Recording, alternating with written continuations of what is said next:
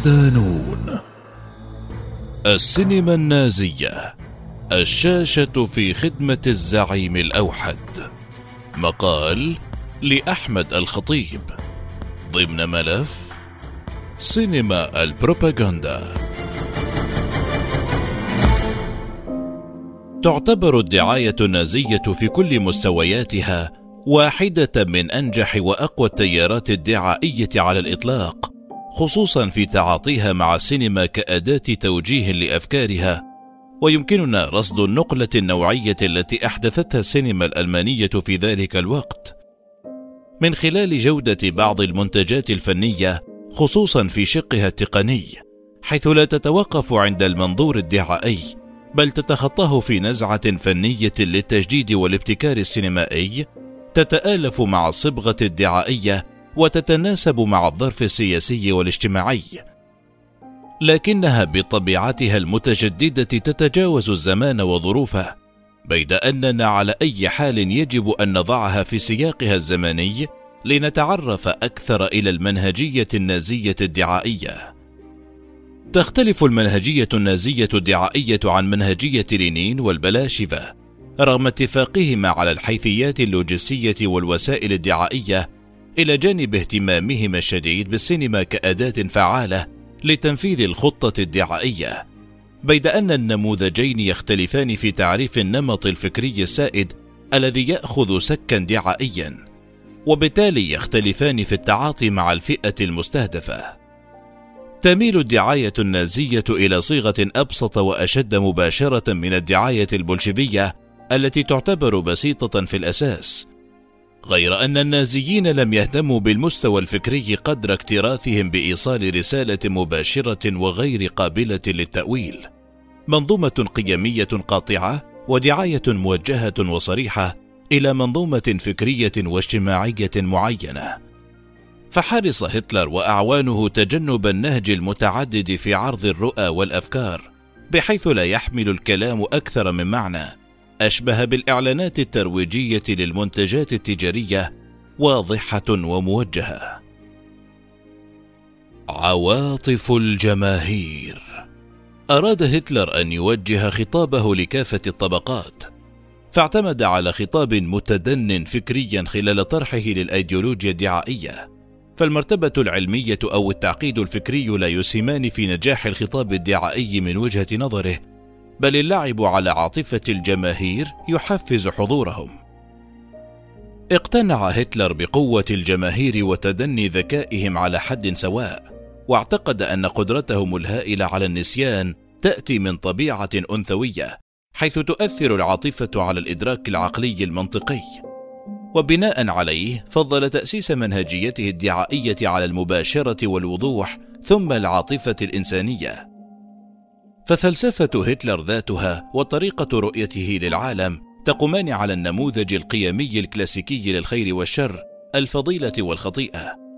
لذا كان من السهل تحديد مجموعة من الأخيار المختارين، ومجموعة من الأشرار الفاسدين بشكل مطلق، بحيث لا وجود للرمادي أو للحلول الوسطى. قدس هتلر الماضي الألماني، وحقر من الحاضر المتدني، نظر إلى الماضي الأسطوري واستحضر روح العصور الوسطى التي حقق فيها الفولك الألماني ذاته ووجوده، واهتم بالعرق كمدخل ووسيلة لاستحضار الماضي واستعادة الأمجاد. فعلى مر السنين استبدل المجتمع الألماني القيم العرقية والاجتماعية الأصلية حين كان يعيش الفرد الألماني النقي في انسجام مع الطبيعة بيد أن المؤسسات والأنظمة وعمليات التحديث الاقتصادي والاجتماعي استبدلت الخصائص السائدة بقيم السوق. وضع هتلر اليهود في مركزية خطته كمسؤولين من وجهة نظره عن انهيار المنظومة القيمية والمجتمع السائد، حيث قاموا بهدم التقاليد الألمانية الأصيلة. وبالنسبة إلى الفولكش، كان اليهود نقيضا للفولك الأفراد الألمان. كان الفولك مستقرين فيما تجول اليهود دون جذور. ينزع الفولك إلى الروحانية بينما كان اليهود ماديين. انتمى الفولك إلى الريف وحياة الطبيعة فيما انحط اليهود بانحطاط المدينة. تغلغل اليهود بشكل هائل وعميق داخل المجتمع الألماني وهو بالنسبة إلى هتلر ما أضعف الشعب الألماني. لم يكن هناك سبيل بالنسبة إليه سوى إبادتهم داخليا ثم مواجهتهم خارجيا. لقد شيطن هتلر اليهود وضعهم في خانة الأعداء المتطرفين، ولا يوجد حل وسط سوى التخلص منهم واقتلاعهم من جذور الشجرة كما كان يقال. وساد المفهوم الراديكالي ألمانيا كدستور وعرف ليتحول إقصاء اليهود إلى المرادف للعودة واستعادة القوة والمجد القديم. إلى جانب ذلك، كانت ألمانيا فايمار بالنسبة إليه تمثل النقيض التام للقيم الألمانية الحقيقية، لذا كان عليه الإطاحة بها للبدء بتطبيق منهجيته بشكل جدي، بالإضافة إلى اليهود الخارجيين الذين شكلوا خطرا خارجيا بمناصبهم البنكية والاقتصادية المتحكمة في الاقتصاد العالمي، ما يشكل خطرا اقتصاديا إلى جانب البلاشفة الذين يشكلون خطرا عسكريا رادعا. أقحم هتلر اليهود داخل كل البنى الممكنة كمخربين وشياطين، وضع أفكاره المتطرفة في قوالب دعائية مباشرة. بيد أنه نجح مع صديقه المخلص بول يوزيف جوبلز وزير الدعاية في ألمانيا النازية في التحايل على هذه الأفكار ودمجها بهموم وإشكالات معاصرة لدى الشعب الألماني بكافة طبقاته. استثمر في غضب واستياء الطبقة العاملة من السلطة وتراكم ثروات الطبقة التجارية والأرستقراطية وأصحاب المصانع خلال النظام الرأسمالي بادعاء أن الإشكالية لا تنبع من المصرفيين والممولين والمستثمرين المحليين في البلد بل من المؤامرة العالمية التي يدبرها اليهود من المصرفيين والمستثمرين. كما استغل القلق السائد في قلب الطبقة الوسطى خوفا من صعود الاشتراكيين بادعاء أن المشكلة ليست في الاشتراكيين بل في الماركسية اليهودية العالمية، وزعم أن اليهود من تسببوا في الكساد، وغيرها من الادعاءات التي تغذي تيارا ووجهة معينين. حاول هتلر من خلال إعادة هيكلة القيم الألمانية تحويل الشعب إلى أمة مقاتلة، وهذا ما كان يتطلبه الأمر. محطات قدمت السينما الألمانية فرصة رائعة للنظام النازي، خصوصا مع تدرجها الطبيعي في فترة الحرب العالمية الأولى وما قبلها نحو نماذج أفضل على المستوى المحلي. ومع اضطراب حركة التجارة العالمية وانتعاش السوق السينمائي المحلي. وإنتاج عدد أكبر من الأفلام التي وزعت داخليا لتساهم الحالة الداخلية وميل النظام إلى استغلال السينما كوسيلة دعائية لتأسيس كيان إنتاجي شديد الأهمية خلال الحقبة النازية. هو شركة يونيفرسال فيلم في نهاية عام 1917 لتبدأ بعدها المنظومة النازية في فرض أنساق وإنتاج أعمال تروج لأفكارها في مخطط أكثر حيوية وشمولا. لقد خلقت الشركة محاكاة لأنظمة الاستوديوهات الأمريكية. وجمعت عددا من شركات الإنتاج والتوزيع والمعارض لتحقيق تكامل رأسي غير مسبوق في المنطقة الأوروبية تزامنا مع ضخ رؤوس أموال عامة وخاصة لدعم الصناعة. استثمرت الشركة جزءا كبيرا في رأس المال الجديد في بناء استوديوهات جديدة في نيو بابلسبورغ. لم تكن تلك الاستوديوهات مؤثرة في النسق الدعائي الخاص بالحرب العالمية الأولى، لكنها وضعت السينما الألمانية في موقف قوي ومميز في فترة ما بعد الحرب، مقارنة بالدول المجاورة التي تعاني من الأضرار في البنية التحتية، ما يحتم خلق صناعة جديدة. وفي فترة ما بعد الحرب هيمنت شركة UFA على صناعة السينما الألمانية لتسيطر بعدها بوقت قصير على صناعة السينما الأوروبية ككل. والحقيقة أن ريادة السينما الألمانية وجودتها وتفردها لا ينبع من الآلية الإنتاجية أو البنية التحتية بقدر ما يرجع إلى رؤية صانع السينما الألمان وقدرتهم المدهشة على الإبداع بداية من دراما الأزياء التاريخية الضخمة أنا بولين عام 1920 للمخرج أرنست لوبيتش مرورا بصناعة وخلق العلامات التعبيرية الألمانية السينمائية. أبرزها فيلم الرعب كابينة الدكتور كاليغاري عام 1920 للمخرج روبرت فين. في ذلك الوقت حظيت السينما الألمانية بقدرة مذهلة في الحفاظ على قدرتها الإنتاجية وحالتها الاقتصادية كصناعة دون الانهيار الفني في معايير الجودة الإبداعية لدرجة وصلت إلى بيع منتجاتها الإبداعية خارج البلاد لتضمن عوائد مادية مرتفعة داخليا وخارجيا.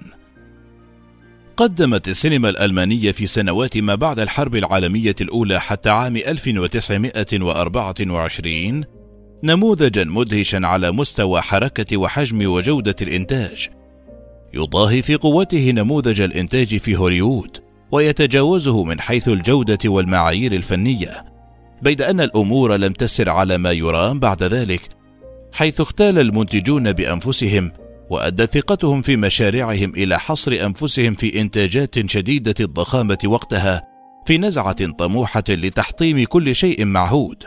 ويقول نيكولاس ريفز حول هذه النقطة في كتابه قوة الدعاية السينمائية الحقيقة والخيال ثقة المنتجين وإلزام أنفسهم بمشاريع أكثر طموحا وتكلفة إنتاجية ولدت مشاكل جزئية بيد أن جوهر الوضع المتغير هو انعكاس للوضع الاقتصادي السابق. استقرار العملة الألمانية الجديدة أدى إلى إزالة المزايا الخاصة التي كانت تتمتع بها الصناعات القائمة على التصدير. وفي التفاوض على خطة دوز، وهي خطة في عام 1924 لحل قضية تعويضات الحرب العالمية الأولى التي كانت مطلوبة من ألمانيا، التي أعادت تحديد مستوى التعويضات الألمانية بعد الحرب وساعدت في دعم الاستقرار الاقتصادي الجديد أصرت القوى الغربية خصوصا الأمريكيون على خفض كبير في صادرات ألمانيا وانفتاح أكبر للسوق الألمانية على الواردات الأجنبية. مكملا، رأت هوليوود على الفور فرصة لشل منافسها الأساسي، وغمرت الأفلام الأمريكية السوق الألمانية أفلست العديد من شركات الإنتاج الألمانية الصغيرة حتى مؤسسة يو إف آي كانت على وشك الانهيار بحلول نهاية عام 1925 إلا أن اثنين من الأستوديوهات الأمريكية وهما باراماونت ومترو جولدن ماير تدخل بعد أن وافق على دعمها في الديون مقابل الاستفادة من الاستوديوهات ودور السينما والموظفين الخاصين بها. وخدمت الصفقة الشركات الأمريكية بقوة وضخت عددا كبيرا من صانع الأفلام الألمان للعمل في هوليوود. أظهرت صفقة باروفيمت وهي اسم شركة التوزيع الألمانية التي تم تأسيسها بين استوديوهات الأفلام الأمريكية والألمانية بعبارات لا لبس فيها مدى هيمنة هوليوود على السينما العالمية بعدما قضت على منافسها الرئيسي. لكن الصفقة لم تنتشل شركة يو إف آي من الضياع واستمرت في الانحدار مع ارتفاع الديون. كان يجب الحصول على مصدر دعم جديد يضخ اموالا كافية. ما تحقق في رجل الأعمال ألفريد هوغنبرغ الذي امتلك بالفعل إمبراطورية وميلا واضحا إلى الدعاية والإعلام والسينما ليمنح الشركة قرضا ثم يبتاع حصة الاستوديوهات الأمريكية بعد ذلك ليصبح رئيس الشركة عام 1927 ويتحول بعدها بعام إلى قيادة حزب الشعب الوطني الألماني. وفي لحظة تحولت شركة الإنتاج الألمانية الأقوى إلى وحدة مكرسة لأجندة قومية متطرفة، استفاد النازيون من تلك النقطة، وحققوا شهرة وانتشارا عن طريق الأفلام الإخبارية نيوز ريلز إلى جانب ضمان النازيين وجود العديد من صناع السينما إلى جانبهم عند الانقلاب. تطورت السينما الألمانية في ظل ظروف وأنساق اجتماعية وسياسية وتطورات تاريخية وعسكرية معقدة. ورغم وجود عدد قليل من المخرجين المعارضين لسياسة النازيين القومية المتطرفة، فقد عينت الشركة الكثير من المخرجين الذين تقبلوا تلك السياسة حتى لو على مضض. وبحلول عام 1933 كان العديد من صانعي الأفلام الألمان بالفعل متعاطفين على نطاق واسع مع الأيديولوجيا النازية. يصف المؤلف نيكولاس ريفز تلك الفترة في كتابه. وصل النازيون إلى السلطة في ظروف كانت أكثر ملائمة من ذلك لأنه بحلول عام 1933 سقطت الصناعة في أزمة كبرى. جعلت من السهل على النظام الجديد إقامة علاقة ناجحة مع الصناعة. نتجت الأزمة عن الكساد والتكلفة العالية لإدخال تكنولوجيا الصوت الجديدة داخل السينما وبين عامي 1928 و 1932 انخفض عدد إجمالي الأفلام الصادرة من 224 إلى 132 وهبط العائد المادي من 274 مليون مارك فاصلة تسعة إلى 176 مليون مارك فاصلة أربعة. وانحدر الجمهور السنوي من 352 مليونا إلى 238 مليونا. مردفا كان الوضع خطيرا عام 1932 لدرجة أن شركة يو إف آي وحدها من حققت ربحا إجماليا فيما أفلس ما لا يقل عن 59 شركة أفلام أخرى. في مثل هذه الحالة إن الحكومات التي اتخذت خطوات إيجابية لاستعادة هذه الصناعة التي كانت ناجحة في وقت ما ستحصل بالتأكيد على دعم حماسي. في ذلك الوقت وعلى مستوى الصناعة حدثت انقسامات داخلية بسبب تكون جبهتين من المفترض أن تدير الصناعة. هما مؤسستان مختلفتان على كل المستويات في توجهاتهما السياسية وأهدافهما الاقتصادية والأنظمة الإنتاجية التي تعملان عليها. الأولى هي Spitz Organization der Deutschen Film Industry SPIO المملوكة من قبل شركة يو إف آي. والثانية هي جمعية مالك السينما الألمانية التي تمثل عددا هائلا من دور السينما الصغيرة والمتوسطة التي تعاني من الإفلاس والتدهور الاقتصادي. لذا كلا المؤسستين تمثلان جبهة ذات خصوصية وتخدم طبقة اجتماعية مختلفة على كل المستويات. هيمنت سبيو على أذرع الصناعة، لكن لا يمكن لجبهة أن تعمل وتنجح دون الأخرى، ومن الانفصال وتضارب المصالح تدهورت العلاقة. لدرجة استبعاد ممثل الجمعية سبيو. وعندما وضعت هيئة سبيو مخططا لإعادة صناعة السينما ألقت اللوم على مالكي السينما كجزء كبير من الأزمة الحالية للصناعة. وفي مخططها ذكرت أن السبيل للخروج من المأزق هو تخفيض عدد دور السينما بمقدار الخمسين مع دمج الجمعية وسبيو في بيروقراطية واحدة. وطبعا كل هذه الشروط أغضبت جمعية مالكي السينما ما جعلهم يميلون إلى الاشتراكيين الوطنيين بيد أنه خلال سنة واحدة في مارس أذار عام 1933 استحوذ فصيل نازي بقيادة أدولف إنجل أخيرا على المنظمة وأصبح جوبلز بين خيارين كلاهما صعب كيف ينمو بالصناعة؟ هل يمول الشركات الضخمة التي تهيمن بالفعل على الصناعة أم يمول السينمات الصغيرة والمتوسطة؟ عندما خاطب جوبلز ممثل صناعة السينما حرص بشدة على إبداء صورة معاكسة عن السائد فالجميع كان قلقا من كون النازيين على وشك الشروع في برنامج جذري لإعادة هيكلة صناعة السينما والحقيقة أنه يمكن تفسير الخطاب ببساطة على أنه تصريح مطمئن في ظل صناعة تتصارع بقلق مع أزمة اقتصادية خطيرة. لكن إذا دققنا النظر سنلاحظ أن الخطاب مبطن بقبول مبدئي من جوبلز للتحالف مع سبيو والمؤسسات الكبرى. في الأشهر القليلة التالية حل جوبلز النقابة العالمية الصناعية داتشو The Industry Trade Union وتبنى أحد مقترحات سبيو المتعلقة بإنشاء بنك خاص بالأفلام Filmkreditbank لتوفير رأس مال متجدد لتمويل الأفلام وبعدها خفض ضريبة الترفيه على مستوى أرباح الأفلام من 11.5% إلى 8% ثم أنشأ غرفة أفلام الرايخ Reichsfilmkammer Reich Chamber of Film وهي مؤسسة تعمل تحت إشراف وزارة التنوير العام والدعاية ذات عضوية إلزامية لكل شخص في الرايخ الألماني يريد العمل على الأفلام بأي صفة. وقد أوجد هذا مساحة لتواجد الجميع دون مشكلات، ليتم التخلص بحركة واحدة من المعارضة، ووضع الجميع تحت إشراف مؤسسي نازي.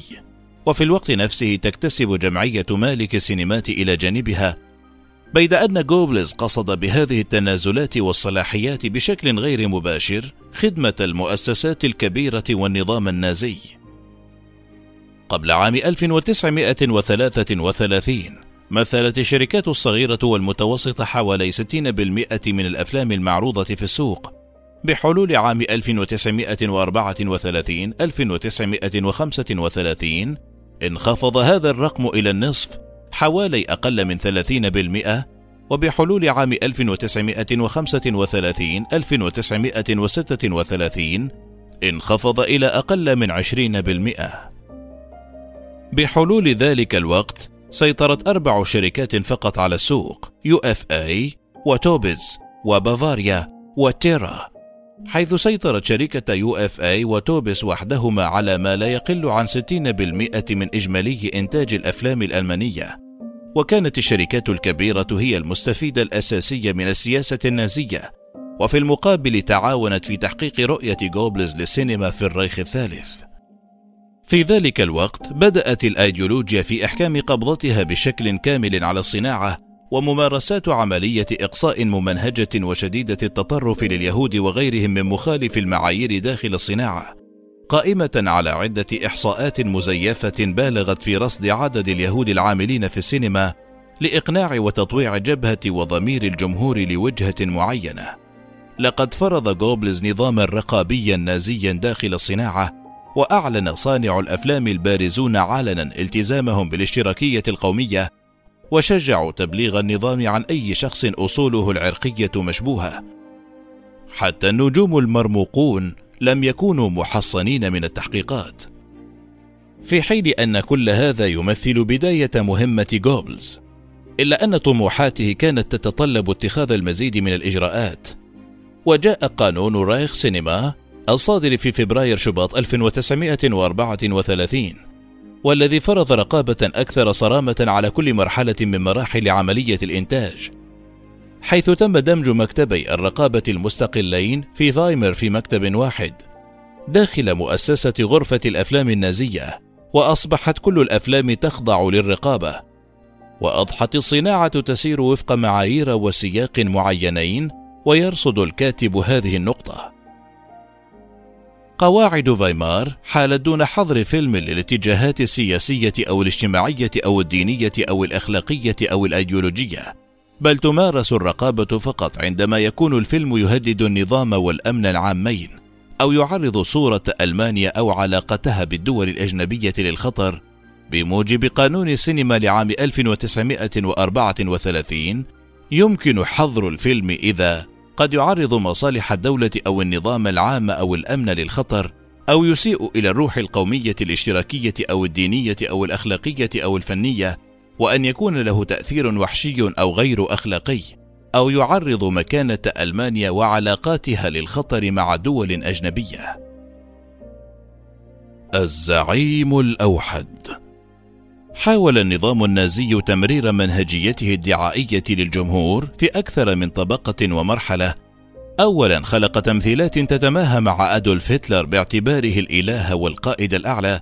ثانيا محاولة إرساء طبقة من معاداة السامية والتطرف ضدها بين الجمهور. الأمر الذي من شأنه أن يدعم ويحث على وجود أنشطة سياسية معادية للسامية. ثالثا محاولة تغيير الموقف السائد تجاه ما أطلق عليه النازيون برنامج القتل الرحيم الذي هو عم الذي هو عملية قتل إجباري واسعة في ألمانيا النازية استهدفت المرضى النهائيين وذوي الإعاقات والاحتياجات الخاصة من بين السكان الألمان. وأخيرا محاولة خلق وإعداد تمثيلات خاصة للحرب قبل الحرب وأثناءها. حاول النازيون زرع مفاهيم جديدة داخل المجتمع وإمحاء الذاكرة الجمعية بحيث يصبح الحالي هو السائد كان الشعب ينظر إلى الفهرر وهي كلمة ألمانية تعني القائد بطبيعة بريئة وثقة ساذجة وطفولية. لقد تغلغلت الدعاية إلى أعمق طبقات النفس في كل شيء حولهم. نمت شعبية هتلر بسرعة مرعبة. وأضحى الشعب يثق في حكمة هتلر حتى لو قادهم إلى الجحيم. وظلت هكذا حتى تغيرت الأمور بعد الحرب خصوصا بعد هزيمة ستالينغراد في فبراير شباط 1943 تجلت الدعاية السينمائية كتمظهرات لأبعاد وخواص أيديولوجية في حقبة الرايخ الثالث. كثفت النشرات المرئية اهتمامها على صورة هتلر على المستوى البصري والنفسي. لدرجة أن شريطا للأخبار يخلو من صورة الفهرر لم ينظر إليه لأنه يخترق المعايير السائدة. إلى جانب الإصدارات المرئية الدورية، لعبت عدة أفلام سينمائية دورا مهما في نشر الأيديولوجيا بشكل أشد حدة وأكثر اشتباكا من الناحية البصرية وتأثيرا من الناحية النفسية. وتعتبر المخرجة ليني ريفنستال من أهم مروج الأيديولوجيا النازية من خلال صنع أفلام دعائية ذات جودة ومنهج ونسق بصري يتفوق على نظرائها من ناحية البروباغندا. ففيلمها انتصار الإرادة Triumph of the Will عام 1935 خلق نسقا دعائيا مكثفا يصدر النازيين الألمان كشعب ومؤسسة لا يقهران.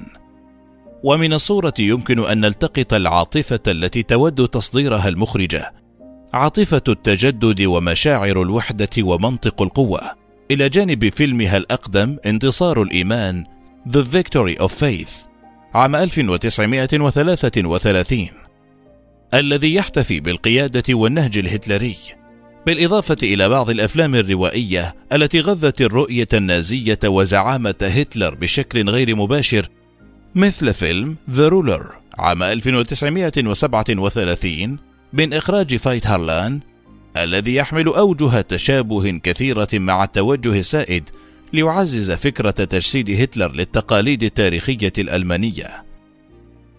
كانت أغلب الأفلام تتمحور حول فكرة الزعيم الأوحد العظيم الذي يتجاوز الصعاب ويتحدى الخصوم وينتصر عليهم.